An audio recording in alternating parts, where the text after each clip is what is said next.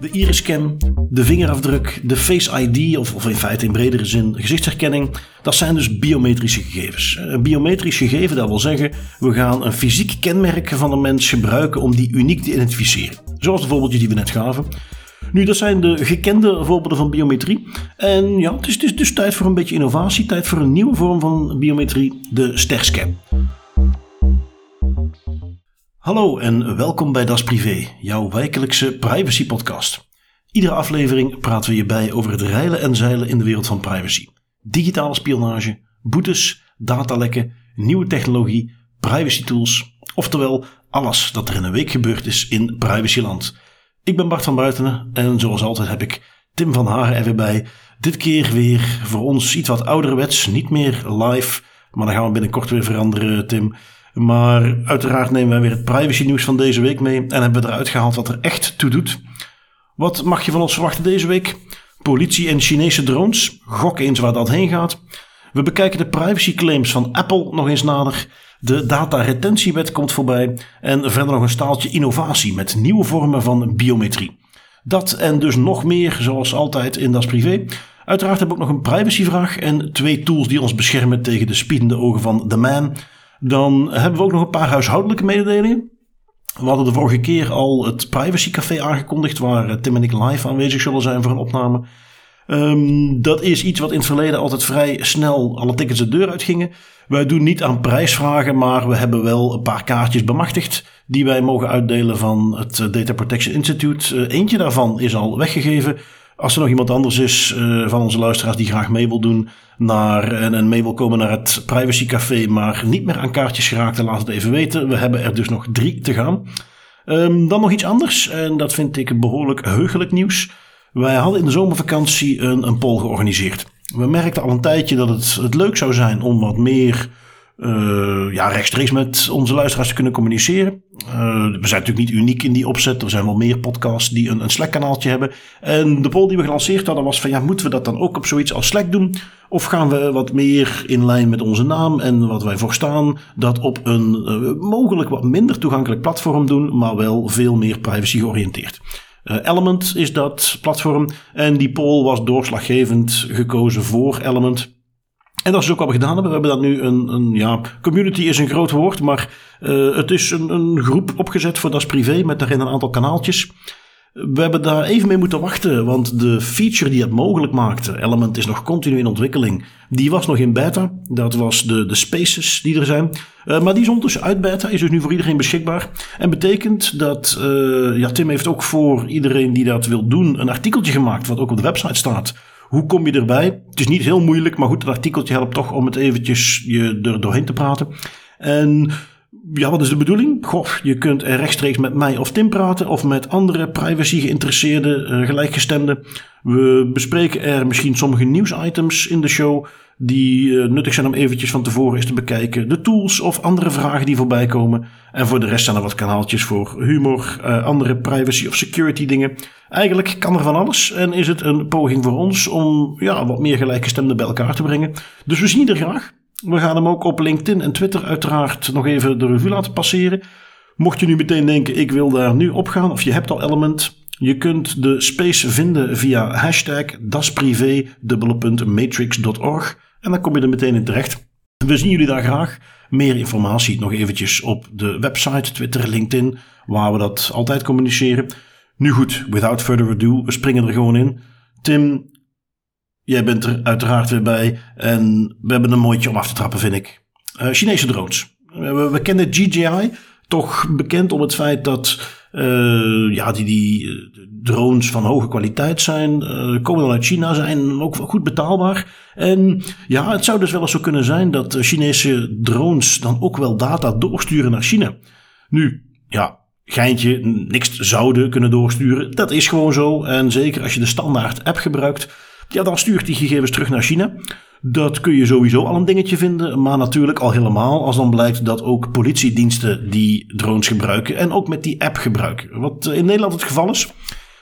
Ja, zeg nu zelf. Uh, jij bent de Chinese inlichtingendienst. Jij hebt een Chinees bedrijf, DJI, wat over heel de wereld drones verkoopt. Die dingen die dus rondvliegen en overal mooie camerabeelden nemen. Ja, 1 en 1 is 2. Uiteraard wil je daar een graadje van meepikken. Dus dat dit gebeurde, dat mag niemand verbazen.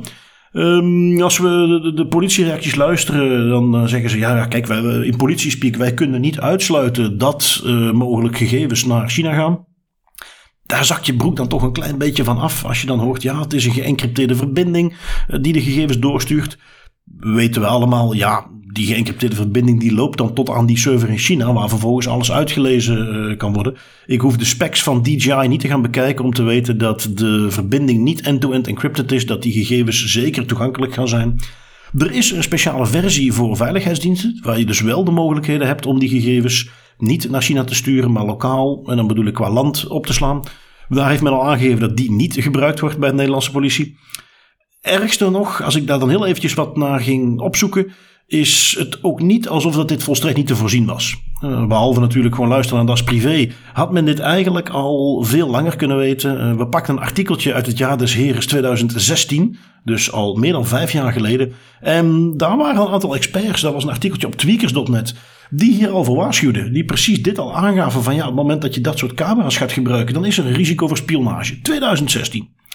Um, ja, goed vind je dat idee al erg? Het, kan nog erger. Ik, ik, zag nog een ander artikeltje voorbij komen. Eh, wat eigenlijk er maar zijdelings mee te maken heeft. Maar waar nog een conclusie uit te trekken is die hier ook aangekoppeld is. Want ja, er komt nog iets veel leukers aan uh, vanuit China.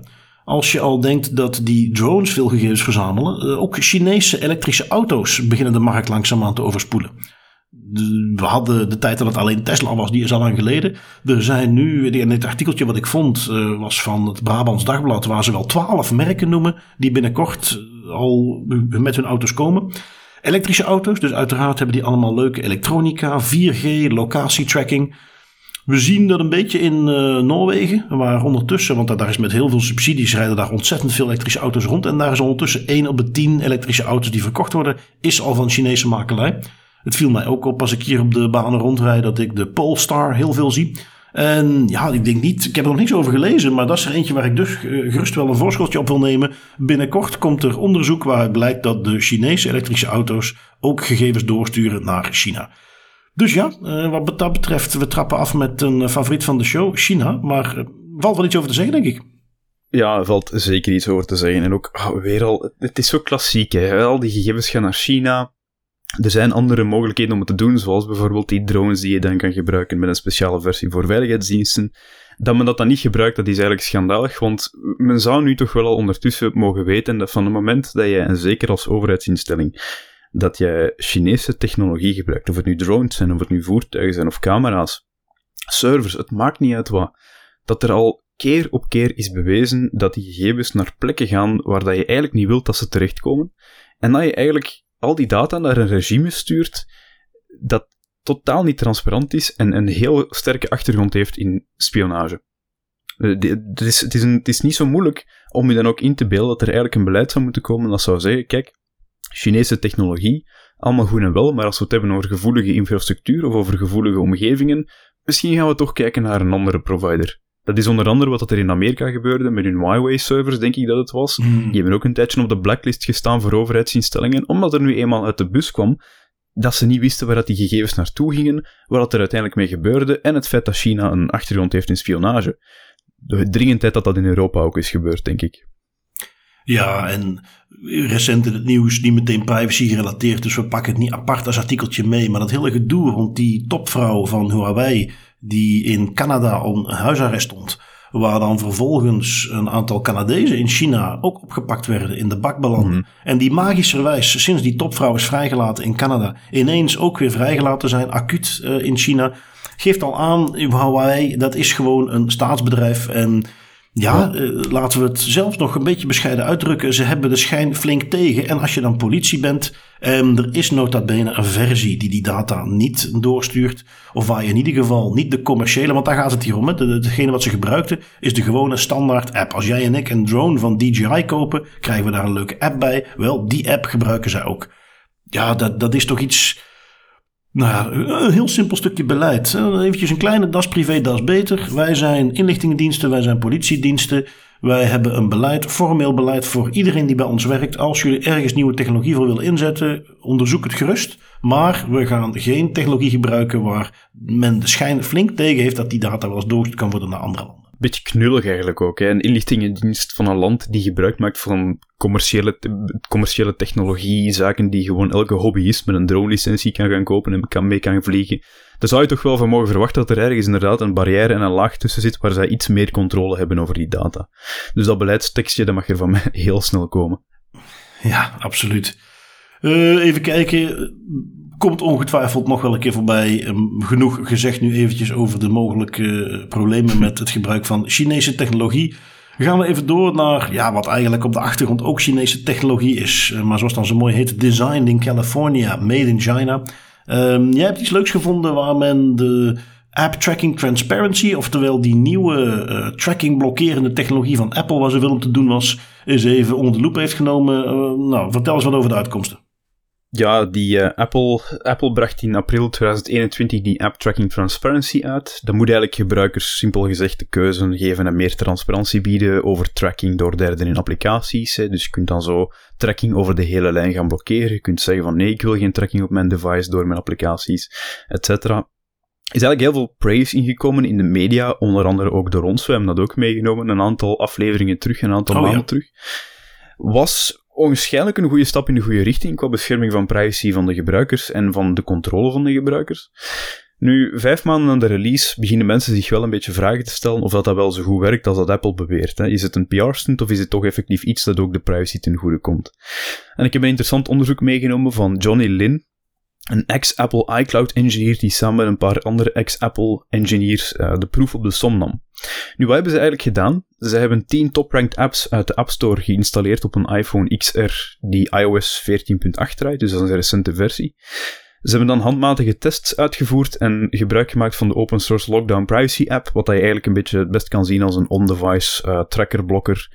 Um, Elke app werd dan twee keer getest. Eens met de optie Ask App Not to Track, dus de applicatie mag uh, helemaal niet meer tracken. En daarna nog eens met de optie Allow Tracking. Nu sta ik dus inderdaad tracking toe. Het resultaat is, ik kan het eigenlijk niet anders omschrijven dan lichtjes depressief. Wat blijkt, die App Tracking Transparency functie, die maakt geen enkel verschil in het totale aantal actieve third-party trackers op je toestel. En had een minimaal impact op het totale aantal tracking pogingen van third-party tracking connecties kunt dus wel gerust op je iPhone zeggen, uh, ja, via die ATT, via een Apple, uh, via een app tracking transparency, van kijk, ik wil niet dat mijn gegeven dat ik getracked word via applicaties en door applicaties één. Maar achter de schermen verandert er dus niks. De keuze wordt op geen enkele manier gehandhaafd. En daarbovenop bevestigt dat onderzoek nogmaals dat er wel degelijk hopen persoonsgegevens verzameld worden, ook als je kiest om niet getracked te worden. Dat is eigenlijk triestig om te zien. Nu, wat ik ook vooral interessant vind in dat onderzoek is, hoe komt dat nu eigenlijk dat die een Apple, die een app tracking transparency, dat dat eigenlijk niet zo goed werkt?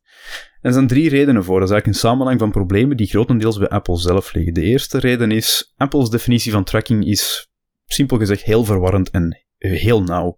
Waardoor veel trackers gewoon door de mazen van het net kunnen glippen. Je moet aan drie woorden voorwaarden voldoen om een tracker te zijn volgens Apple. Eerst en vooral moet je gebruikersgegevens van een applicatie kunnen koppelen aan een andere applicatie. Ten tweede moet je dat specifiek doen voor gericht reclame- of reclame-metingdoeleinden. En je mag niet thuis horen in Apple's lijst van uitzonderingen voor aanvaardbare tracking die ergens heel diep verborgen zit in de developer-documentatie. En dan komen we meteen bij het tweede probleem uit. Die zogenaamde lijst van uitzonderingen die is enorm ruim en valt op verschillende manieren te interpreteren. Zo heb je bijvoorbeeld fraudedetectie als trackingdoeleind ja, er is hier geen controle op. Een marketingbedrijf kan simpelweg zeggen dat zij fraude detecteren en dan vallen zij ook onder die uitzondering, terwijl ze dat eigenlijk helemaal niet doen. Dat gaat eigenlijk zelfs zo ver, en dat was eigenlijk ook komisch, dat de onderzoekers um, third-party trackers vonden met het label Apple Tracker, die toch niet onder trackers vielen volgens Apple's developer documentatie. Ja, daar zie je meteen al wat het probleem is. Aan de ene kant, de, de mensen die de trackers aanbieden en onderhouden zeggen zelf, dit is gewoon een tracker. Maar volgens Apple's vreemde definiëring valt het er toch niet onder op de een of andere manier. En dan komen we bij de derde reden die eigenlijk alles een beetje samenbrengt. Dat hele systeem is volledig gebaseerd op vertrouwen. Er is geen enkele audit, er is geen enkel onderzoek of controlemogelijkheid die door Apple wordt ingesteld. Zolang derden publiek beweren dat zij uw gegevens niet aan andere sites zullen koppelen of verkopen, dan wordt dat door Apple niet als tracking beschouwd. En er is geen enkele manier om het te controleren. Apple zelf gaat dat ook niet controleren. En zelfs al zouden ze het controleren, dan is er nog altijd de mogelijkheid om de connectie met de tracker te encrypteren, waardoor Apple op geen enkele manier een zicht heeft over welke persoonsgegevens dat er nu vergaard worden, getrackt worden, verwerkt worden. Dus dat hele systeem, ja, dat is een beetje een losse flodder. Dat is een leuke PR-stunt geweest, maar eigenlijk haalt dat heel weinig uit. Als je dat dan zo hoort, nou, eh, eh, natuurlijk gewoon zwaar teleurstellend. Uh, ik wilde heel graag denken dat door een iPhone te gebruiken, iOS, door dit soort acties, dat je inderdaad beter met je privacy bezig bent. En nou ja, mooi meegenomen, los van andere meer feature-georiënteerde aspecten. Dan blijkt dat dat toch eigenlijk niet zo is. Ja, heel, heel verrassend is dat niet. In die zin, zoiets voel je aankomen. Wat ik me wel meteen afvraag als ik dit dan hoor, is: dit moet Apple toch ook weten? En. Mhm. Eh, zijn ze dat dan publiekelijk zoveel mogelijk aan het uitmelken. Terwijl ze eigenlijk weten dat het niet zo heel veel uitmaakt. Want inderdaad, en, en dit is iets wat ik ook nog niet op die manier had eh, uitgezocht. Maar als dat de definitie is die ze gebruiken voor een tracker. Ja, dan gaat daar inderdaad ontzettend veel tussen de mazen van net glippen. Eh, de, de overgrote meerderheid, zoals ook blijkt. En dan heeft het bijna geen waarde meer. Terwijl Apple toch echt wel het moet kunnen doen op een manier dat ze dat wel eruit kunnen halen. het, het dan in kaart gaan brengen van trackers, ja, dat moet dan maar. Um, terwijl ja, tegelijkertijd wat je ook zegt, ja, dan kunnen ze die verbinding, die, die maken van die trackers, die kunnen die verbinding gaan encrypteren. Dan mhm. zie je niet eens wat er over en weer gaat en kunnen ze alsnog gewoon die trackergegevens doorsluizen. Het is, um, ja, ja het is, het is, dan zit je eigenlijk te bedenken, ja, wat kunnen we er dan eigenlijk tegen doen? Uh, wat hou je dan nog over? Ja, er zijn een aantal zaken natuurlijk die je kan doen. Bijvoorbeeld iets dat ook die onderzoekers zelf gebruikt hebben en zelf ook ontwikkeld hebben, nota bene. Die um, lockdown-applicatie die gaat die trackers blokkeren. Dat is ook de, dat is ook de enige reden dat ze effectief hebben kunnen kijken um, of dat die een tracker, die een, Apple, die een app tracking transparency functionaliteit, of dat dat effectief werkt of niet. Door die externe applicatie te downloaden, die een externe app tracker, blokker. En dan te gaan kijken of dat, dat effectief dingen blokt of niet. Hmm. Um, en dat is het beetje het ironische aan dit hele verhaal. Hè. Het staat ook in de naam. Het is App Tracking Transparency, maar Apple is absoluut niet transparant over wat er allemaal geblokkeerd wordt. Ze zeggen wel dat ze het doen. Ze geven nu wel een leuke frontend en ze zeggen nu wel van kijk, je hebt een keuze. Kijk, je kunt zeggen ik wil niet dat iemand mij traceert via mijn applicaties. Maar het resultaat, daar blijven ze akelig stil over. En daar is nu ook een goede reden voor, want eigenlijk is er geen resultaat. Het is gewoon een illusie. Ja, hetgene waar ze dan wel uh, breed mee uitpakken, of waar je in ieder geval heel veel onderzoeken rond ziet, is um, ja, de, de, de, statistieken over hoeveel mensen het aanzetten. En hoeveel er zo, zogenaamd niet geblokkeerd, of wel geblokkeerd zou moeten worden. Mhm. Maar dan de onderliggende dingen daarvan, ja, dat hebben ze dus nu gebeurd. Het blijkt weinig uit te halen. Ik heb er mhm. eentje meegenomen die daar wat op doorgaat. Dat is een onderzoekje wat ik voorbij zag komen. Onderzoekers die hebben dan de, de iOS versus Android oefening gedaan. En je zegt van ja, we we zien dat er zoveel dingen verspreid worden, eh, trackers die gebruikt worden. We zien aan de ene kant eh, iOS, Apple die daarmee te koop gaat lopen, dat ze daar heel veel tegen doen. Wel, we gaan de proeven op de som nemen. En zij zijn ook ja, gaan kijken naar trackers, een beetje als onderzoek uh, wat jij meenam. We kwamen erachter dat ja, er heel veel third-party trackers uiteraard aanwezig zijn. Eh, maar dat die zowel in beide ecosystemen zitten, uh, dat die ook in apps die zich vooral op kinderen richten, uiteraard aanwezig zijn. Hm. Wat ze wel zagen is dat in die kindercategorie uh, iOS-apps veel minder advertentiegerelateerde tracking doen dan in Android. maar tegelijkertijd zitten dan in de iOS-apps die op kinderen gericht zijn wel zeven keer vaker de gelegenheid om de locatie eraf te halen. Nu goed, als je dat dan bij elkaar pakt, hebben ze wat, wat conclusies uh, samengepakt als ze dan iOS en Android applicaties aan het bekijken waren. Wat ze daaruit haalden is dat er dus ontzettend veel uh, third-party tracking plaatsvindt zonder toestemming. Dat uh, ook in die kinderapps het heel vaak gaat over tracking die uiteraard zonder toestemming van de ouders is. Dat er op geen enkele manier een vorm van data minimalisatie wordt gedaan door die tracking toepassingen. Door alleen maar die gegevens te verzamelen die ze dan misschien toch echt nodig hebben voor bepaalde metingen dat er heel veel gegevens continu doorgestuurd worden naar landen buiten de Europese Unie, hè, waar we dan met onze GDPR een bepaald niveau van uh, bescherming van onze privacy mogen verwachten. Ja, als die gegevens naar een ander land doorgaan, waar die bescherming er niet is, dat zou eigenlijk niet eens mogen, maar goed, uh, stellen ze vast dat gebeurt dus wel uh, continu. En ja, de, iets wat we natuurlijk niet mogen vergeten, dat de transparantie daaromheen ook nog eens heel erg slecht is. En hun eindconclusie is dus heel simpel. Eigenlijk stellen wij vast dat er naar privacy toe, dat wij geen echt wezenlijk verschil zien of je nu op een Android of een iOS platform ziet. Het, het doet me aan iets denken. Ik zag laatst ergens, of het nu op Twitter was, een artikeltje, maar in ieder geval daar werd een beetje een alternatieve zienswijze geponeerd voor de privacy mhm. push van Apple. Een, een iets wat cynische, duisterdere, eh, maar als je zo de dingen die wij net erbij hebben gehaald, die onderzoeken op een rijtje zet, is het iets wat, wat een en ander misschien aannemelijker maakt. En die zeggen van ja, wij, wij verwachten dat Apple binnenkort zelf de push gaat maken naar advertenties. Dat die zelf veel actiever ah, die, die, die advertentiemarkt gaat betreden. Hmm, ja, en dan zijn ze wel echt een, uh, een Trojaans paardje aan het opzetten. Hè? Want dan eerst een paar maanden of jaren zeggen van ja, ja, wij vechten voor je privacy en ons platform en onze devices, ons ecosysteem eigenlijk. That's the place to be als je een beetje privacy conscious bent. Om dan achteraf met een eigen advertentieplatform te komen. Het zou slim gespeeld zijn, maar inderdaad wel een, een duistere gedachte en iets waar ik liever niet over nadenk. Want dat is niet zo, ja, dat zou wel echt desastreus zijn. Hè?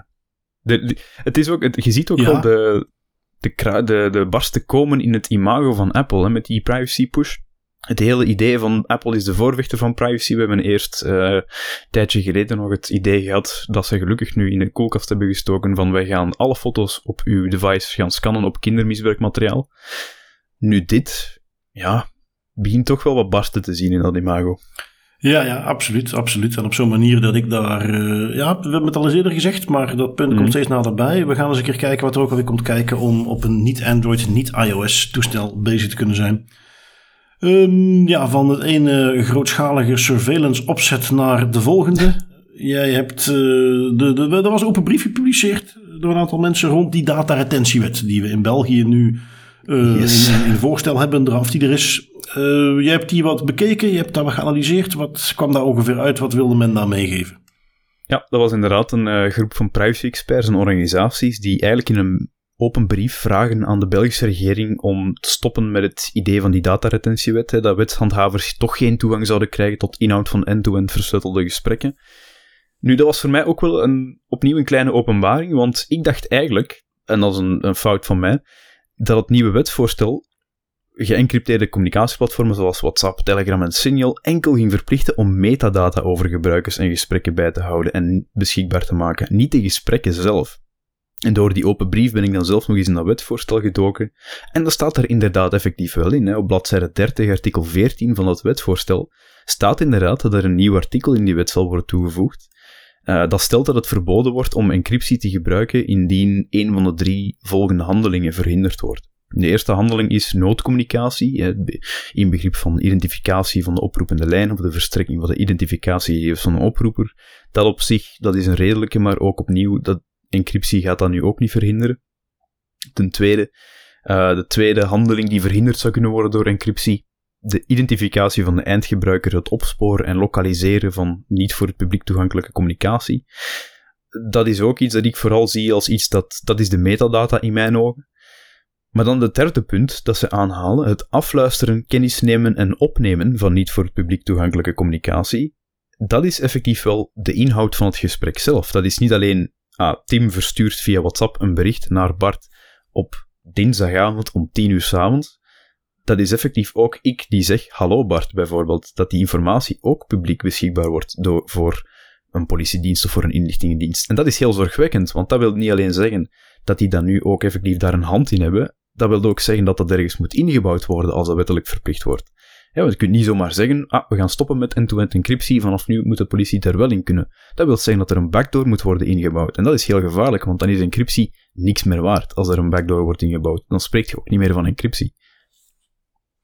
En dat is, ja, ik vind dat zorgwekkend, want ja, dan interpreteren die wettekst wel plotseling als volgt. De metadata moet proactief worden bijgehouden, dat zijn die eerste twee punten. En het afluisteren moet kunnen na een overheidsbevel, dat is punt 3. En dat is een heel gevaarlijke wet. Ja, de enige soort tussenweg die je daarvoor kunt hebben, is dat er in die verschillende applicaties een, een functie wordt ingebouwd. waarmee na overheidsbevel dan, of, na het bevel van onderzoeksrechter in ons geval, uh, dat zij een soort update kunnen sturen naar een bepaalde gebruiker, één specifiek toestel, waardoor de gesprekken op de achtergrond niet meer geëncrypteerd zijn en die wel af te luisteren valt, maar waarbij dat dus wel heel erg pinpoint op één gebruiker. Dat, dat, is zo'n, hè, dat is zoiets waar mee gespeeld wordt als mogelijke functie om, om toch die balans te zoeken tussen privacy en, en de mogelijkheid om inlichtingen te krijgen. Nu goed, dat, dat zie ik hier niet specifiek in staan. Dat zou een oplossing kunnen zijn. Uh, maar we blijven dus hangen achter dat idee van ja, we moeten end-to-end encryptie gaan breken, anders uh, krijgen we geen toegang. En als dat de insteek gaat zijn, ja, dan wordt weer de, de klassieke strijd. Ik, ik, ik, ik ben benieuwd. Um, zoals gewoonlijk is het er weer eentje die we in de gaten moeten houden. Maar wat we destijds ook al zeiden, hè, als, als, het kan niet zo zijn dat we toegaan naar een situatie, laten we encryptie voor iedereen verzwakken. Met uh, in de praktijk al voorbeelden genoeg van dat dat niet alleen maar door inlichtingendiensten vervolgens gebruikt gaat worden, maar dat dat breder misbruikt kan worden. Uh, laten we encryptie voor iedereen verzwakken, omdat er een paar zijn die we willen hebben. Ja, dat, dat is toch iets waar we eigenlijk als maatschappij al een hele tijd geleden van besloten hebben. Die kant moeten we niet opgaan ja, we kunnen het alleen maar afwachten en, en hopelijk dan weer met mal en macht uh, ten strijde trekken als ze dat toch weer willen gaan doen. Ja, ja, inderdaad. Het is dat. Het is, het is een, een absurd idee, die dataretentiewet. Eh, ik ben ook heel blij om te zien dat er nu een open brief komt met toch een aantal eh, sterke spelers. Onder andere Bart Perneel, die weet ook wel het een en ander af van cryptografie en van encryptie. Dus als die zijn naam er ook onder zet, ja, dat wil ook wel al iets zeggen. Het is, het is zorgwekkend. Het is ook zo, ja, dat geeft weer een heel slecht beeld. Wij zijn Europa, dat zou eigenlijk niet mogen dat wij zo'n wetvoorstel indienen. Ik vind dat triestig. Nee, nee, klopt. Um, goed, gaan we even door met ja, misschien een wat lichter onderwerpje. Uh, innovatie. Mm en innovatie mag ook wel eens bottom-up komen. Wat hebben we hier meegenomen? We, kennen natuurlijk de iris-scan, de vingerafdruk, de Face ID, of, of in feite in bredere zin gezichtsherkenning, dat zijn dus biometrische gegevens. Een biometrisch gegeven, dat wil zeggen, we gaan een fysiek kenmerk van een mens gebruiken om die uniek te identificeren. Zoals de voorbeeldjes die we net gaven. Nu, dat zijn de gekende voorbeelden van biometrie. En ja, het is, het is dus tijd voor een beetje innovatie, tijd voor een nieuwe vorm van biometrie, de sterscan. Dat is nog niet de officiële term die men gebruikt, maar ik denk dat we die als das privé maar gewoon even moeten claimen. Want ja, de aarsprint of de kont-ID, dat klinkt gewoon niet hetzelfde. dat is waar deze over gaat. Uh, we, een innovatie in het onderzoek waarmee men smart toilets uh, heeft gemaakt.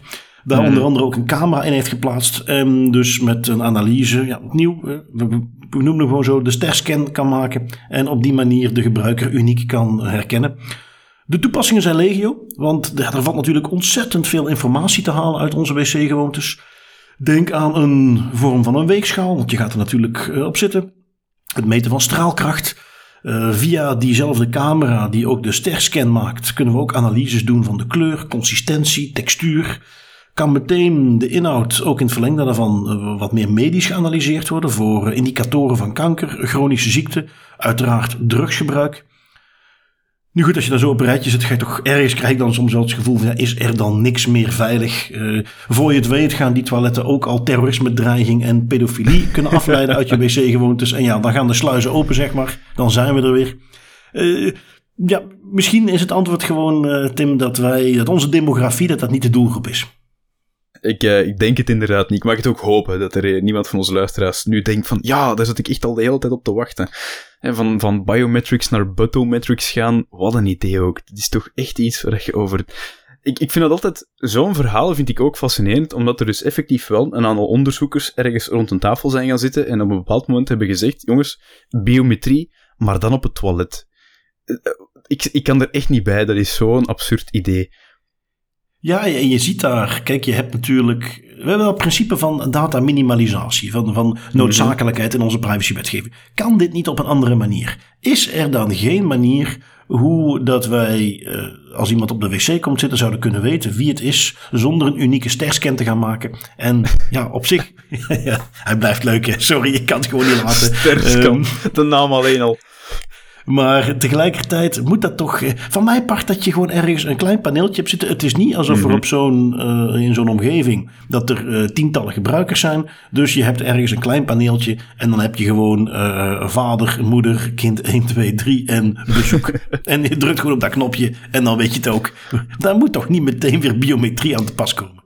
Nee, nee, er zijn inderdaad bepaalde grenzen. En ja, biometrie op het toilet, wat een idee. Ook opnieuw, als het dan gaat over die medische toepassingen, ergens, als ik heel optimistisch denk en bepaalde van mijn privacy-delen van mijn brein even afzet, zou ik nog kunnen zeggen, ja, daar zie ik misschien nog wel iets cools in. Hè? Dat je kunt zeggen, ik ga naar het toilet en ik zie meteen of ik bepaalde ziektes heb, of kanker heb ergens of zo. Ja, ja, ja, ja. Een mooie indicator, zeker en vast. Maar opnieuw, is dat nodig om dat allemaal automatisch te doen? Want ik kan ook gewoon een sample nemen en dan naar mijn huisarts sturen. Dat is Nou, ook of, of zelfs, ik bedoel, dat mag ook perfect gewoon in mijn, in mijn wc-pot hangen. Eh, ik, ik heb mensen, ik ken mensen die gezegd hebben van ik zou het eigenlijk wel interessant vinden als ik dat gewoon zelf bepaalde Mhm. analyses eruit zou kunnen halen. Maar het is het smart aspect en dat, dat, dat internet geconnectiveerde aspect wat Ja, er voor mij niet per ja. se in moet. Ik hoef geen na de eh, slimme weegschalen, ik hoef geen wc te hebben die mij op een gegeven moment halverwege mijn rustmomentje vertelt Bart je moet meer granen eten. Dat is niet nodig. Daar dient dat rustmomentje nu voor. Dat je even geen stem hebt die je, die je overlaat met informatie en dan gaat je op het niks is niet meer heilig, Bart. Zelfs het Nee, toilet niet meer. precies, precies.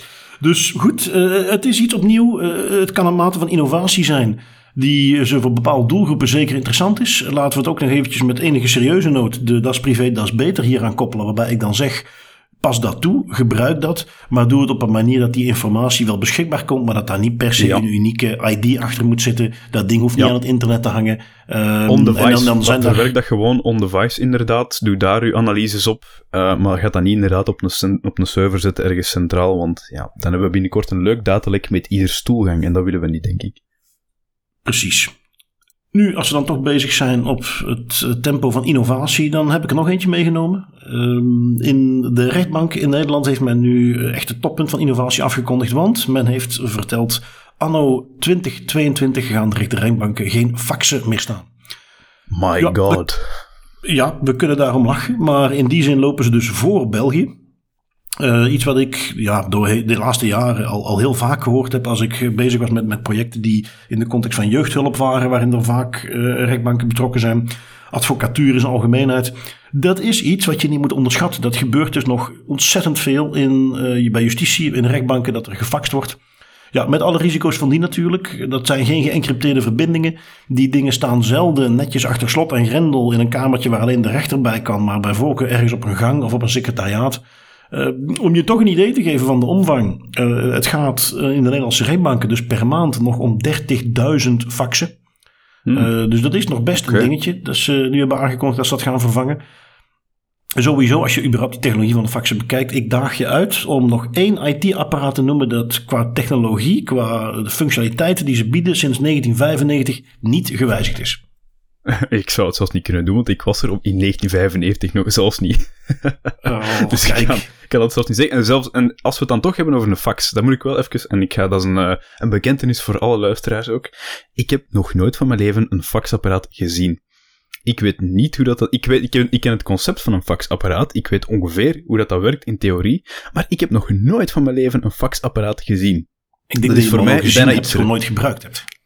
Wa- waarschijnlijk ook. Ik weet het niet. Wij, mijn ouders hebben dat thuis nooit gehad. Ik heb dat nog nooit van mijn leven ergens in gebruik gezien. Ik weet wat dan een printer uiteraard wel, maar een faxapparaat, dat Nou is ja, bijna iets goed. magisch voor mij. Dat is iets dat Bedankt bestaat in legendes, maar voor de rest... eh, Bedankt om mij wat dat betreft even te confronteren met mijn leeftijd, want ik heb nog wel een fax gebruikt.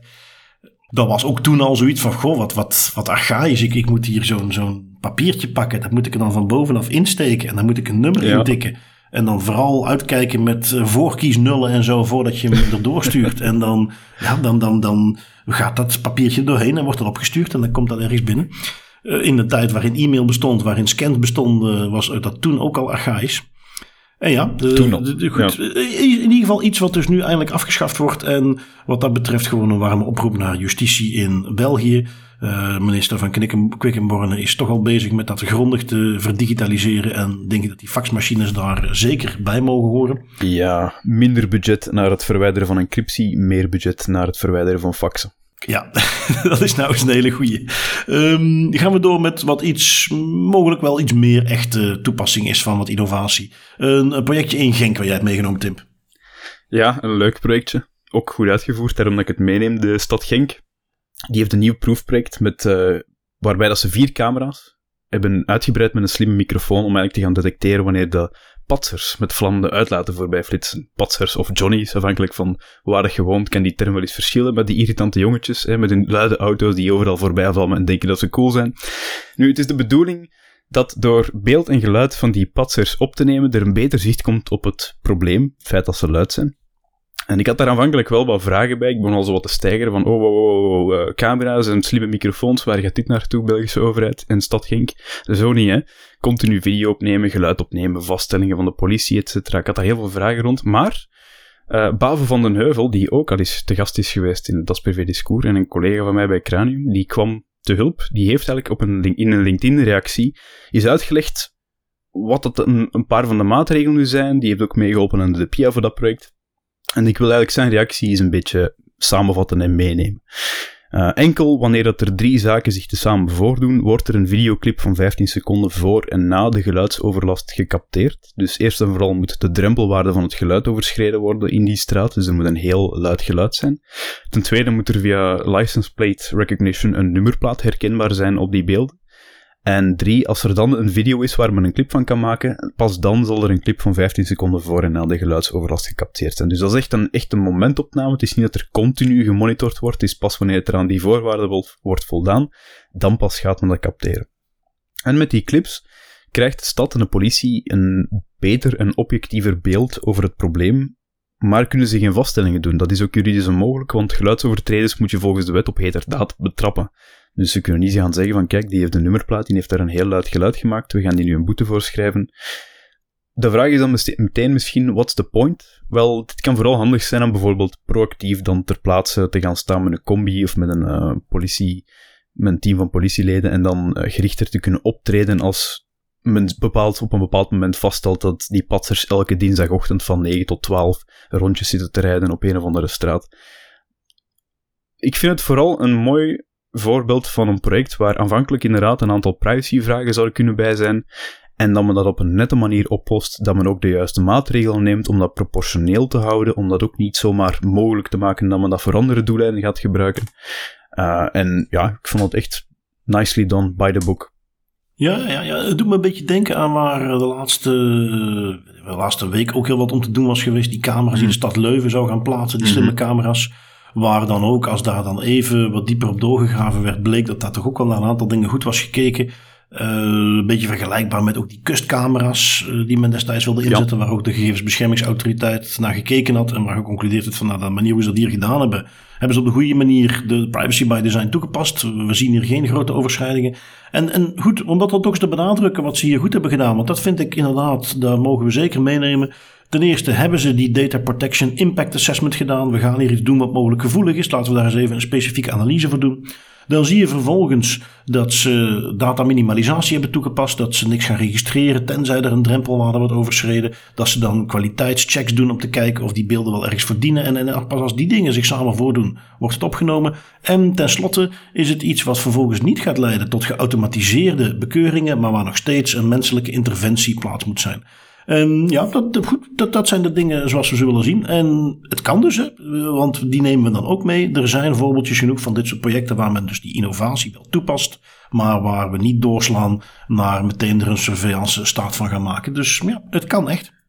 Ja, ik ben ook altijd heel blij om zo, daarom dat ik die ook altijd meeneem. Hè, want we zouden kunnen zeggen van, ja, wat is daar nu aan? Gewoon een project dat goed loopt. Maar ik vind dat belangrijk omdat er wordt heel vaak over de GDPR-wetgeving eh, en privacy professionals gezegd dat, die, dat, dat, dat een heel lastige wetgeving is die heel veel onmogelijk maakt en als een obstakel dient. Terwijl dit is een mooi voorbeeld van een stad die met een goed idee komt, de juiste intenties heeft, erkent dat er bepaalde risico's kunnen zijn voor de betrokkenen, privacyrisico's, daar een onderzoek over laat uitvoeren, daar maatregelen op neemt en dan gewoon het project kan doen zoals ze initieel gedacht hadden, maar dan wel met respect voor de privacy van de burger. En er is geen enkel obstakel, er is geen enkel ding, dat, geen enkel element van die GDPR-wetgeving dat daarin moeilijk doet. En het gaat allemaal netjes en het gaat allemaal leuk en iedereen is tevreden. Ja. Maar je moet er wel inderdaad een beetje voor werken en dat is het enige. Het, het, het kan dus wel degelijk.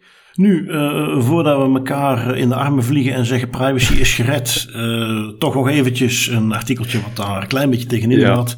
Een beetje realiteitszin erbij houden. Namelijk cijfers over toegangsverzoeken door overheden bij Big Tech. Oh joy. Apple, Facebook. Oh joy. Um, ja, goed, eventjes de, de open deur ter grootte van de Arc de Triomphe intrappen. Uiteraard zijn de Verenigde Staten met afstand nummer 1 als het gaat om die toegangsverzoeken. We hebben een artikeltje meegenomen van uh, Tech Robot, die, ja, die transparantierapporten zijn gaan bekijken. De, de, de Big Tech, eh, Apple, Microsoft, Google, Facebook, die komen met transparantierapporten. Rapporten waarin ze to, toegeven, klinkt wat te zwaar, waarin ze opzommen. Kijk, dit zijn het soort toegangsverzoeken die wij gekregen hebben van overheden. En die cijfers publiceren ze. Uiteraard niet op, op niveau van om, om wie ging het of om wat voor soort dingen ging het precies, maar wel in bredere zin per land, hoeveel aanvragen, hoeveel zijn er binnengekomen, hoeveel hebben we er toegekend. Um, Ja, goed. De, de, cijfertjes die we nu hebben, hebben ze gekeken naar uh, vergelijking Q1 2020 en Q1 2019. En stelt men dan vast dat dus de Verenigde Staten uh, aan kop staan. 70.000 verzoeken. Let op, dat is één kwartaal. Uh, dat is een, een verhoging van 21% met het jaar daarvoor. 76% van die verzoeken, van die 70.000 verzoeken in dat kwartaal, zijn ook effectief toegekend. Of, of zijn ook uitgevoerd. En dus betekent dat er dus kennelijk 24% van die verzoeken binnenkwamen. Uh, waarbij dan gezegd wordt van ja, dat gaan we toch niet doen. Uh, je moet ook niet onderschatten wat voor een, een, een, belasting of wat voor een werk dat met zich meebrengt voor die bedrijven. Uh, bedrijven zoals Microsoft, Facebook, die hebben een team van mensen. En dat zijn er niet één of twee, maar tientallen mensen, een heel team die niks anders doen dan continu dit soort verzoeken afhandelen. Waarbij ze dus kennelijk toch nog 24%, wat me ergens niet tegenvalt, zeggen van de Amerikaanse overheid: gaan we niet doen. Sorry, dat is niet rechtmatig, daar moeten wij niet eens aan voldoen. Um, ja, dan denk je van oké, okay, Bart, leuk. Verenigde Staten wisten we al wel, maar wie staan dan op die andere posities? Daar zitten geen al te grote verrassende namen tussen. Maar we hebben op nummertje 2 hebben we Duitsland. Met nog 25.000. Wat nog steeds dus veel minder dan de helft is van de Verenigde Staten. Maar in ieder geval, die staan op nummertje 2. Wat daar vooral uh, opvalt is dat daar uh, niet zo'n grote stijging in zit als de nummer 3, Frankrijk. Die hebben namelijk nog steeds veel minder, 13.000 van dat soort verzoeken. Maar dat is wel een stijging met 90% in vergelijking met het jaar daarvoor. Dus als die trend zich voorzet, voortzet, dan gaan ze Duitsland snel inhalen. Voor de rest nog in de top 10, misschien het belangrijkste om mee te geven, Nederland en België staan daar niet in. Wie hebben we wel nog landen zoals, of ik zal ze anders gewoon eventjes meteen opnoemen. De UK, Japan, Italië, Australië, Spanje, Canada en Zuid-Korea. Waarbij, om je ook daar een beeld van te geven, nummertje 10 Zuid-Korea, dan hebben we het nog maar over 1500 van dat soort verzoeken in een kwartaal. Versus dus nummer 1, 70.000. Dus ja, um, wat nog interessant is, zag ik uit de cijfertjes, is dat de overgrote meerderheid van die verzoeken, die komen terecht bij Facebook. Die steekt met kop en schouders boven die andere Apple, Google uit want daar wil men het meeste informatie van. Verbaast me niet helemaal. Al had ik eigenlijk gedacht dat Google ook wel iets meer zou zijn. Want die hebben natuurlijk ook waanzinnig veel informatie met, met uh, al die locatiegegevens. Maar goed, uh, ja, de, dus eventjes wat, wat uh, cijfertjes over de toegangsverzoeken die overheden uitvoeren. Ja, weinig verrassend inderdaad. Ik zou eigenlijk, omdat je nu bezig bent over die Facebook en, en Google en het verschil daartussen. Ik zou eigenlijk eens heel benieuwd zijn naar hoe snel dat een big tech bedrijf die data gaat openbaar eh, beschikbaar maken aan een politiedienst of aan een inlichtingendienst. Hoe moeilijk dat ze daarover doen. Als ze daar ooit eens wat cijfers naar buiten zouden komen, dat zou eigenlijk wel interessant zijn. Misschien dat dat ook de reden is dat ze bij Facebook er meer om gaan vragen, omdat ze gewoon weten, Facebook geeft dat sneller. Als ik heel, even heel sceptisch mag denken. Oké, dat is een interessante. Uh, nu, Facebook kan ik daar ook iets minder iets over zeggen. Ik weet wel, omdat ik gewoon doorheen de jaren vaak nog heb gezien hoe ze daarmee om willen gaan. En, en gesprekken heb gehad met mensen van Microsoft en Google. Die zijn hier zelf absoluut niet blij mee. Hè, dat ze aan dit soort dingen moeten voldoen. Die, die mm -hmm. uh, beloven dat in hun contracten niet alleen, maar die proberen dat ook echt. Maar dat, dat, gaat in de meeste gevallen gewoon niet. Maar die geven ook altijd aan, wij gaan wanneer wij kunnen, gaan wij naar de rechtbank om zo'n verzoek aan te vechten. Maar de praktijk is gewoon dat ze daaraan mee moeten werken. En, en ze weten maar al te goed dat dat een, een serieuze deuk in, in hun imago oplevert. En uiteindelijk is het natuurlijk hun winst die onder druk staat. Niet die van de Amerikaanse staat uh, met, met dus rapporten en cijfers. Dus die houden daar niet van, maar moeten daar nu helemaal gewoon in mee. Um, dan gaan wij verder met iets wat jij hebt meegenomen, Tim. Uh, een, een snuifje filosofie. Ja, inderdaad. Een snuifje filosofie. Of toch uh, daar eens even over discussiëren. Uh, want er is een filosoof, uh, een universitair docent, Fleur Jongepier, En die stelt dat privacy en anonimiteit iets voor de bourgeoisie wordt, of voor de middenklasse. En ik ga eigenlijk beginnen met een quote uit een lange tekst die ze heeft geschreven over dit onderwerp.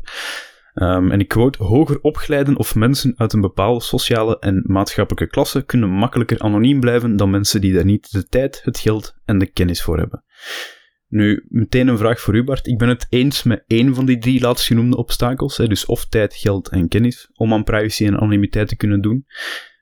Je mag eens raden de welke. Ja, eh, goed. Ja, welke ben jij het niet mee eens? Uh, ik denk dat we het hebben over uh, kennis. Absoluut. Is kennis. Hè. Het eh, als we bijvoorbeeld, en dan geef ik meteen die link naar die Das Privé tooltips. Niet alleen omdat we dat zelf hebben, hebben opgezet, maar ook omdat dat gewoon, ja, dat is allemaal online publiek beschikbaar. Zo goed als alle tools voor particuliere gebruikers zijn gratis beschikbaar. De enige tijd die je daarin moet stoppen is de installatie en het leren kennen van die tools. Wat wel zo is, is je moet weten dat die tools bestaan. Je moet weten dat dat iets is, dat die privacy, dat dat effectief iets is waar we mee spelen, dat een impact kan hebben op je leven, dat ook een impact kan hebben op je omgeving. Maar dat is het. Tijd en geld zijn voor mij geen argumenten om niet aan privacy te doen of minder aan privacy te, kunnen doen. Die tools zijn voor iedereen met een internetverbinding beschikbaar, gratis vaak. Dus dat vind ik al een heel vreemd argument en daar gaat ze eigenlijk nog wel verder op, want volgens haar is het wel nog altijd mogelijk om anoniem te zijn ze, quote dan, ik quote dan, je kunt offline in een hutje op de Veluwe gaan zitten, maar dan kun je niet meer op een online sociaal netwerk met je familie en vrienden. je kunt geen boodschap laten bezorgen, kaartjes bestellen, reizen boeken, allerlei wezenlijke sociale communicatie loopt via de laat kapitalistische bedrijven. Het zijn geen optionele extra's meer, dat gaat dan over die privacy ook daar, ik vind dat een extreem uitgangspunt. De totale anonimiteit en privacy, om daar al over te beginnen, dat zijn voor mij twee verschillende zaken. Privacy is een mensenrecht, dat is eigenlijk ook simpelweg het recht om een privéleven te hebben en met rust gelaten te worden. En dat kan ook best zonder anonimiteit. Dat is net waar privacy ook om draait. Hè? Het mogelijk maken dat je je persoonsgegevens kan toevertrouwen aan de maatschappij of aan organisaties die er goed mee omgaan. Niet doemdenken en denken van ja, ofwel ga ik diensten afnemen en deel uitmaken van de maatschappij, maar heb ik geen privacy, of ik ga geen diensten afnemen en ik ga geen deel uitmaken van de maatschappij en dan heb ik privacy. Dat is heel hard doemdenken en dat is heel erg zwart-wit, terwijl privacy draait net om ervoor te zorgen dat je persoonsgegevens kunt afstaan, dat je die kunt toevertrouwen aan partijen, aan organisaties en de maatschappij, zonder dat heel je privéleven daarmee om zeep is. Dus ik vond dat een heel... Uh, ja, een heel sterke uitspraak dat privacy en anonimiteit iets voor de bourgeoisie wordt. Ik denk dat er nog veel werk aan de winkel is op vlak van privacy, maar dat we niet zo ver moeten gaan dat het iets wordt voor mensen die er geld voor hebben. Dat denk ik niet. Nee, het, het is ook uh, misschien een, klein stukje schoenmaker blijft bij je leest. Want het toont ook aan een, een beetje een, misverstand over privacy. Namelijk uh, van ja, je hebt dat principe van of je betaalt met je data of je betaalt met geld. En ja, dat, dat is dat misverstand wat we al eerder hebben aangehaald. Hè. Het internet is zo een beetje gegroeid, maar dat wil niet zeggen dat dit wetmatig is. Dat het feit dat je of moet mhm. betalen met je data of met geld, dat dat de wereld is uh, die rond privacy goed in elkaar zit. Want dan kom je inderdaad in een situatie van, nou, als ik maar bereid ben om voor iedere website die ik bezoek, die 1 of 2 euro per maand neer te leggen, dan kan ik op die manier mijn privacy waarborgen, want dan krijg ik gratis toegang zonder getrackt te worden. Maar die, die afweging is vals. Die bestaat niet. Het, tracken mag gewoon niet, tenzij iemand daar toestemming voor zou geven. En die toestemming moet vrij zijn, mag niet afhangen van, ik kan nog deelnemen aan alle diensten van het internet, tenzij ik mijn, mijn data laat analyseren. Dus in die zin heb ik gewoon al een groot probleem met die insteek, omdat het nu net, wat jij ook al zei, het moet nu net zo zijn dat je wel degelijk al die dingen kunt doen. Ook al heb je geen cent op de rekening, heb je uh, tien kinderen en dus nergens tijd voor en heb je een IQ van 70, dan nog moet jij al die dingen kunnen gebruiken zonder je druk te moeten maken om je privacy. Dat is eigenlijk waar het om gaat, dat is uiteindelijk waar wij mee bezig zijn. Nu goed, Neemt niet weg dat de realiteit op dit moment is dat inderdaad uh, figuren zoals jij en ik, die een beetje gedeformeerd zijn en die daar heel veel tijd in stoppen, uh, die daar veel voor uitzoeken, die gaan meer mogelijkheden hebben om ons te beschermen. Maar dat is dus omdat die wereld op dit moment compleet verkeerd in elkaar zit online. En daar moeten we iets aan doen. Um, dat is iets wat, wat te maken heeft met meer informatie, heeft iets te maken met meer handhaving, heeft te maken met een heleboel dingen. En die zijn pas een paar jaar in gang gezet met de GDPR. En dat gaat nog jaren duren voordat het weer goed zit. Maar dat is hoe we daarnaar moeten kijken. En niet inderdaad die insteek van, uh, het is iets voor de bourgeoisie. Uh, waarschijnlijk dat hij ook vooral met dat uh, argument kwam om gewoon die term bourgeoisie nog eens te kunnen gebruiken. Uiteraard, eh, dat je dat nog eens kunt gebruiken, want het bekt wel lekker, maar voor de rest inderdaad, van het moment dat je erover begint na te denken, eh, toch niet zo logisch. Ook het, nee, het hele, in, in, die retoriek, want dat is echt een hele lange tekst, zwaait ze ook met de termen privacy en anonimiteit, en ze haalt die denk ik een paar keer door elkaar, want privacy en anonimiteit, die zijn zeker verbonden met elkaar, maar dat zijn niet dezelfde begrippen. Nee, dat zijn nee. twee twee dingen aan één geheel. Ja, privacy is iets compleet anders dan anoniem zijn. Je kunt ook privacy hebben zonder dat je anoniem bent op het internet, ja. bijvoorbeeld. Nee, nee, nee, helemaal waar. Nu, dat, dat, brengt ons bij het hoofdstukje waar we kijken naar een aantal datalekjes. Als we dan ah, hebben over yes. anonimiteit of privacy. Dat is waar het dan vaak fout gaat. En de eerste die ik meegenomen is van het nieuwsblad. En dat is het verhaal van Jordi, de meesterhacker. Jordi uh, was namelijk de grote hacker van Luminous. Of, of, of, zo wordt het dat toch een beetje meegegeven in het artikel. Wat uh, deed Jordi? Jordi was een ex-medewerker. Uh, die ja, is ontslagen op een gegeven moment bij Luminous. Omdat hij op systemen inlogde. En vervolgens ging kijken naar ja, wie zijn de mensen die op het einde van het jaar geld terug zouden moeten krijgen. En die ging vervolgens een bankrekeningnummer van die mensen aanpassen. Uh, om er dan voor te zorgen dat daar geen communicatie rondgestuurd ging worden, ging Jordi vervolgens ook het e-mailadres met een lettertje aanpassen, zodat dat niet meer klopte. En dus de mails met informatie over die wijzigingen of over uh, geld wat teruggestort zou moeten worden, die kwamen dan niet meer binnen bij de klant. Um, ja, ze noemen dat dan zo'n mooie hack door die persoon. Dit, dit riekt naar toen die persoon ontslagen is, zijn die toegangen niet goed dichtgezet. En, of gebruikte Jordi misschien de login van een collega om dat uh, voor elkaar te krijgen. Ik heb niet de indruk dat hier echt systemen keihard zijn gehackt. Um, het kwam aan het licht, niet omdat Luminous daar zelf achter kwam. Maar omdat er mensen gingen klagen van, hé, hey, volgens mij moet ik wat geld terugkrijgen, hoe zit het ermee? Dat is al zo lang geleden. En dan zagen ze dus van, hé, hey, klopt iets niet. Uh, het ging in totaal over 17.000 euro. De, de, de, het artikel ging ook over het feit dat er dus nu een rechtszaak van is. Waar 15 mm -hmm. maanden effectieve gevangenisstraf is geëist tegen Jordi. Uh, Jordi maakt het niet zoveel uit, want die is kennelijk met zijn 17.000 euro gaan chillen in Spanje. En die zal bij verstek veroordeeld worden. Zo heel lang kun je daar ook weer niet mee gaan chillen, denk ik dan. Maar goed, ja, 17.000 euro. Het, het, het, je kunt daar toch, als je een beetje spaarzaam bent, een jaartje of twee uh, wel mee toekomen. Um, en goed, dat was het eerste datalekje wat we hadden. Jij hebt er eentje die misschien iets indrukwekkender is vanuit Amerika. Ja, indrukwekkender zeker in, in uh, de omvang. 4,6 miljoen klanten, hun gegevens zijn gelekt door een Amerikaans warenhuis, een Amerikaanse warenhuisketen. Het gaat specifiek om de namen, contactgegevens, creditcardnummers en verloopdatum, gebruiksnamen, wachtwoorden en veiligheidsvragen en antwoorden het eerste wat ik daar dacht was, oh, eerst en vooral was, what the fuck? En ten tweede, kan iemand daar ASAP gaan uitleggen wat hashing is? Want, kom aan jongens. Creditcardnummers, verloopdatum, wachtwoorden, veiligheidsvragen en antwoorden lekken. Dat is teken dat dat daar gewoon allemaal in plain text, dus in gewoon blote open tekst stond. En dan moet het maar gewoon te wachten was totdat ze weer een of andere Elasticsearch database of iemand met inderdaad eh, een Jordi, een meesterhacker, uh, toegang kreeg tot die gegevens. En ze dan maar leuk op het internet ging rondstrooien. Uiteraard geen info over hoe dit kon gebeuren, behalve dat een obscure, ongeautoriseerde partij toegang had tot al die data. Typisch Amerikaans. Ja, dus goed, dan, dan heb je het dus over een database die niet goed beveiligd was, waar men dan toch op een of andere manier toegang toe kreeg. Ik, ja. eh, ik denk dat ik het beter kan. Ik, dus, het zijn er geen okay. 4,6 miljoen, maar mogelijk qua uh, gegevens en qua hoe het dadelijk tot stand kwam weer iets beter. Ik neem je mee naar Canada. Canada, waar men wel de behoefte voelt om een soort corona-app te hebben, waarmee je kunt laten zien dat je gevaccineerd bent of pas besmet bent geweest en hersteld bent, et cetera. Mm -hmm. Maar daar niet vanuit de staat een app voor krijgt. Dus wat denken dan een paar handige Harry's? Weet je wat, wij gaan dat zelf maken. Wij gaan dat beschikbaar maken voor het publiek. Je kunt daar dan uh, gebruik van maken. Maar er zal wel weer met allerlei tracking en advertenties voor gezorgd worden dat de maker daar wel wat geld aan overhoudt. Maar deze app uh, was dus opgezet. Uh, PortPass heette de app. Ondertussen had toch een goede 600.000 mensen maakten daarvan gebruik. Daar zaten ja, uh, dingen in zoals identiteitsgegevens, afdrukken van identiteitskaarten of rijbewijzen. Want hoe werkt dat in die app? Je kon daar een profieltje aanmaken. Dan moest je een foto uploaden. Dan moest je vervolgens een foto uploaden van een officieel identiteitsdocument. En dan een foto van het Q, ja, dat certificaat wat je van de overheid had gekregen. Want dat bestaat wel natuurlijk. En die ging dan die matching doen. Die ging zeggen, oké, identiteitsdocument, ik zie het, foto, klopt ook. En de naam op het documentje wat je hebt geüpload van de overheid met de, met de vaccinatiegegevens klopt ook. Dus jij krijgt nu een groen vinkje en een QR-code wat je overal kunt laten zien. Um, ja, ten eerste, de app zelf zat al waardeloos in elkaar. In die zin dat een onderzoeker, die had eens even de proef op de som genomen had een willekeurige foto van een acteur gepakt, had die vervolgens, en echt niet met geavanceerde uh, Photoshop skills, maar gewoon even copy-paste op een soort template uh, rijbewijs geplakt, geüpload in de app en werd zonder meer geaccepteerd. En hij had dus daarmee een profiel in naam van die acteur. Uh, alsof het nog niet erg genoeg was, was het ook allemaal nog eens publiek beschikbaar op het internet.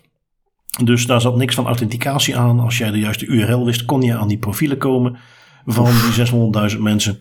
Uh, dan zou je denken, als je dan vervolgens de eigenaar bent van zo'n app en die wordt door een onderzoeker gecontacteerd met de mededeling dat je app zo lekker is als een zeef, dan ga je in alle nederigheid die bedanken uitvoerig en dan ga je aanpassingen doorvoeren. Maar niet hier. Die eigenaar ging vol in de aanval, dreigde uiteraard met de klassieke rechtszaken, lasteren en smaad. En beweerde dat die app eigenlijk best goed in elkaar zat. Dus ja, wat dat betreft, hè, het kan altijd beter. dat ding dat jij inderdaad wel gewonnen hebt. Al was het maar voor de reactie van de eigenaar zelf, die gewoon in vol denial gaat en zegt van nee, nee, nee, hier is niks aan de hand. Het is allemaal oké.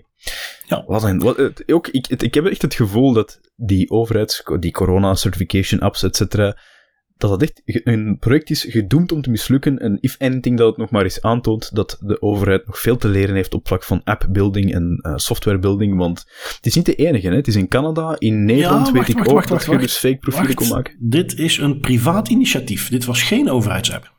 Oh, oké, oké, oké. My bad. Sorry, dan heb ik niets gezegd. Ik uh, ga niet meer overheidsbashen vanavond. Nee, nee, nee, inderdaad. Het kan ook lekker in de privaatfout gaan. Wat natuurlijk niet wegneemt dat het hier duidelijk is dat dit iets is wat er waarschijnlijk gewoon wel vanuit de overheid had moeten zijn. Nu goed, uh, dit soort grappenmakers worden hopelijk heel zwaar aangepakt, krijgen hopelijk flinke boete voor de kiezen. You Um, dat is waar we nu nog er een paar de revue laten passeren. Jij hebt er eentje uit Noorwegen meegenomen, een autoriteit die weer eens een boete heeft gegeven.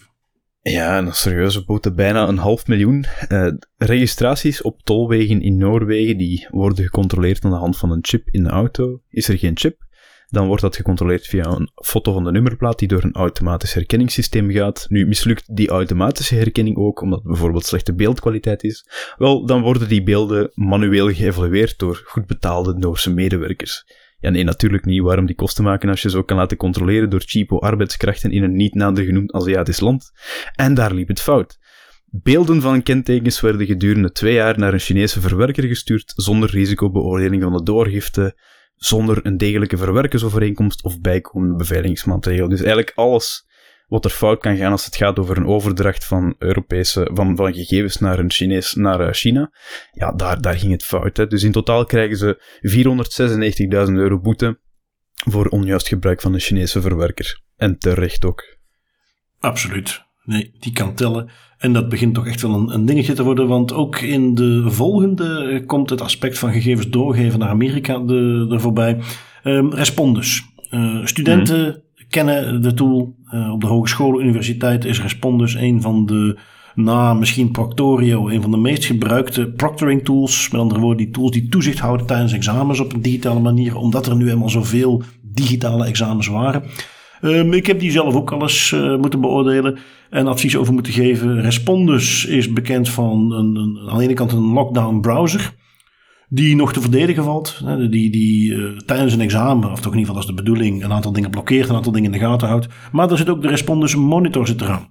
En dan gaan we al meer op het territorium van je moet je identiteitskaart laten zien aan de camera. Je moet eventjes je laptop op en neer draaien in het kot waar je zit om te zien dat er niemand aanwezig is. Dat ding moet continu aanstaan en houdt jou in de gaten, et cetera, et cetera. Dat is ondertussen al vaak genoeg voorbij gekomen.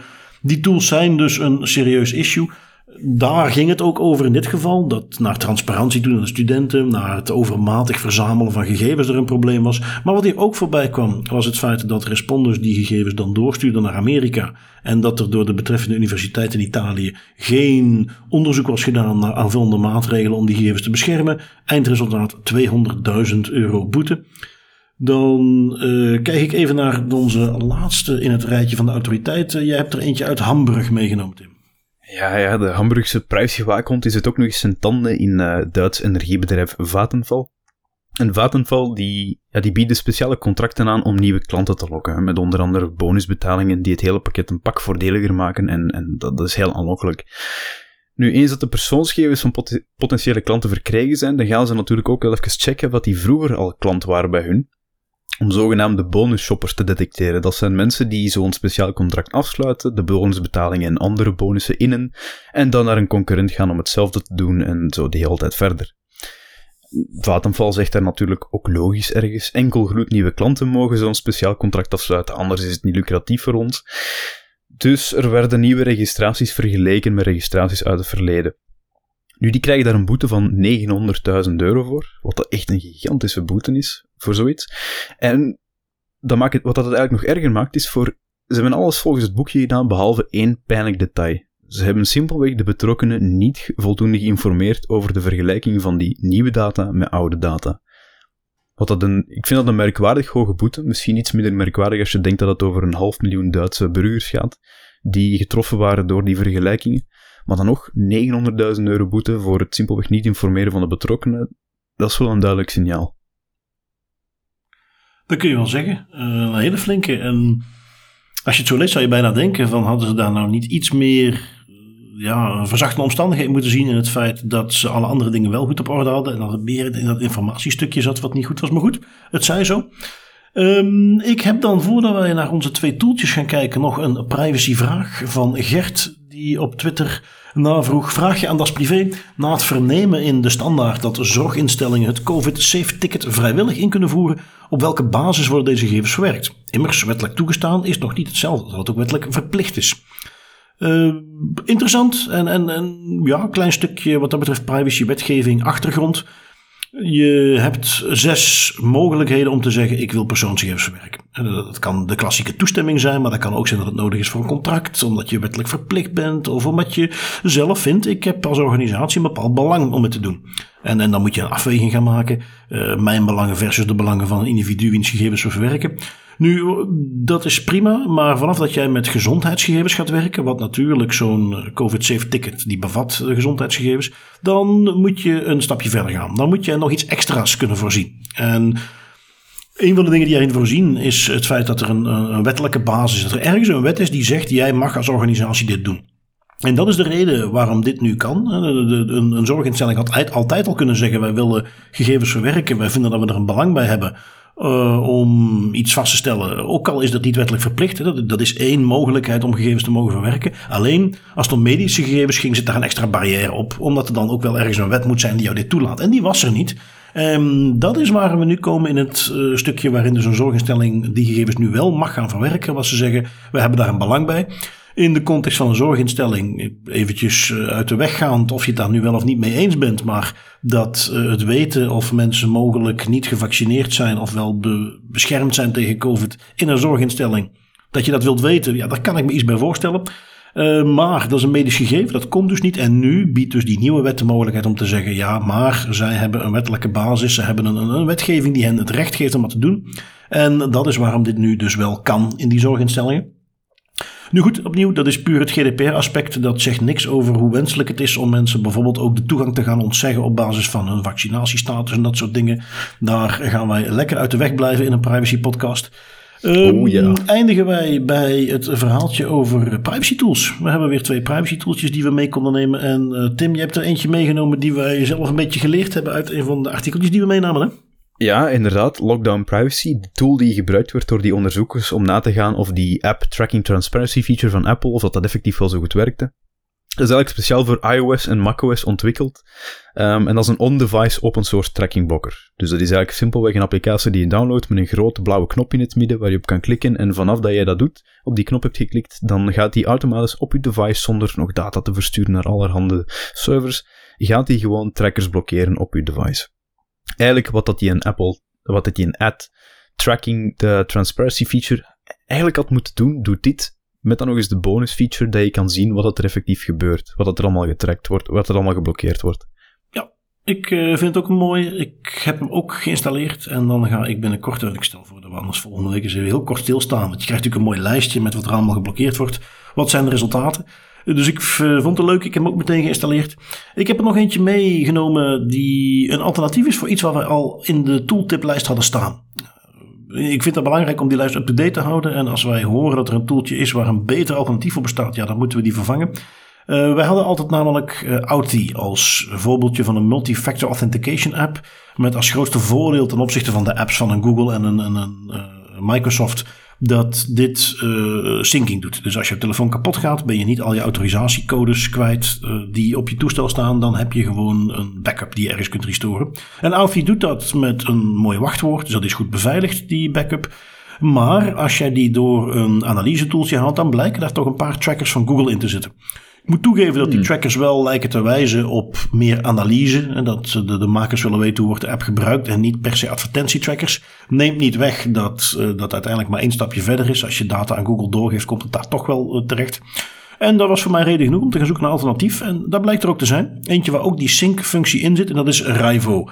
Uh, is zelfs van uh, Nederlandse makelaar, als ik me niet vergis. Is open source. Is gemaakt door een, een, een ontwikkelaar die veel met security bezig is. Um, ja, dat is mijn eh, tooltje voor deze week. Dus niks innovatief. Het is gewoon een multi-factor authentication appje. Maar eentje die open source is zonder trackers en toch die sync-functie heeft. Rivo. Hmm, dat is wel een interessante. Ik gebruik nu momenteel zelf Outeam, maar inderdaad, als die inderdaad wat Google-trackers heeft, hè, dat is toch maar vies, dan ga ik die Rivo eens installeren. Cool. Precies, nou, dat was mijn afweging ook. Goed, Tim, dan zijn we weer aan het einde van, uh, al zeg ik het zelf, een hele leuke aflevering. Ik wil nog eventjes de verwijzing naar onze Element Community in de bloemetjes zetten. Wij gaan die dus uh, wat publiceren. Je gaat dat terug kunnen vinden op onze Twitter, LinkedIn. En wij kijken er heel erg naar uit, Tim en ik, om jullie te verwelkomen op onze Element Community. Om ook buiten de podcast zelf wat te praten over privacy en alles wat er mee te maken heeft. Tim, ik dank jou en onze luisteraars weer om naar ons te luisteren voor een, uh, ja, het maken van een leuke podcast. Ja, zeer leuke. En aan alle luisteraars, tot in Element of tot volgende week. Oké, tot dan. Dag.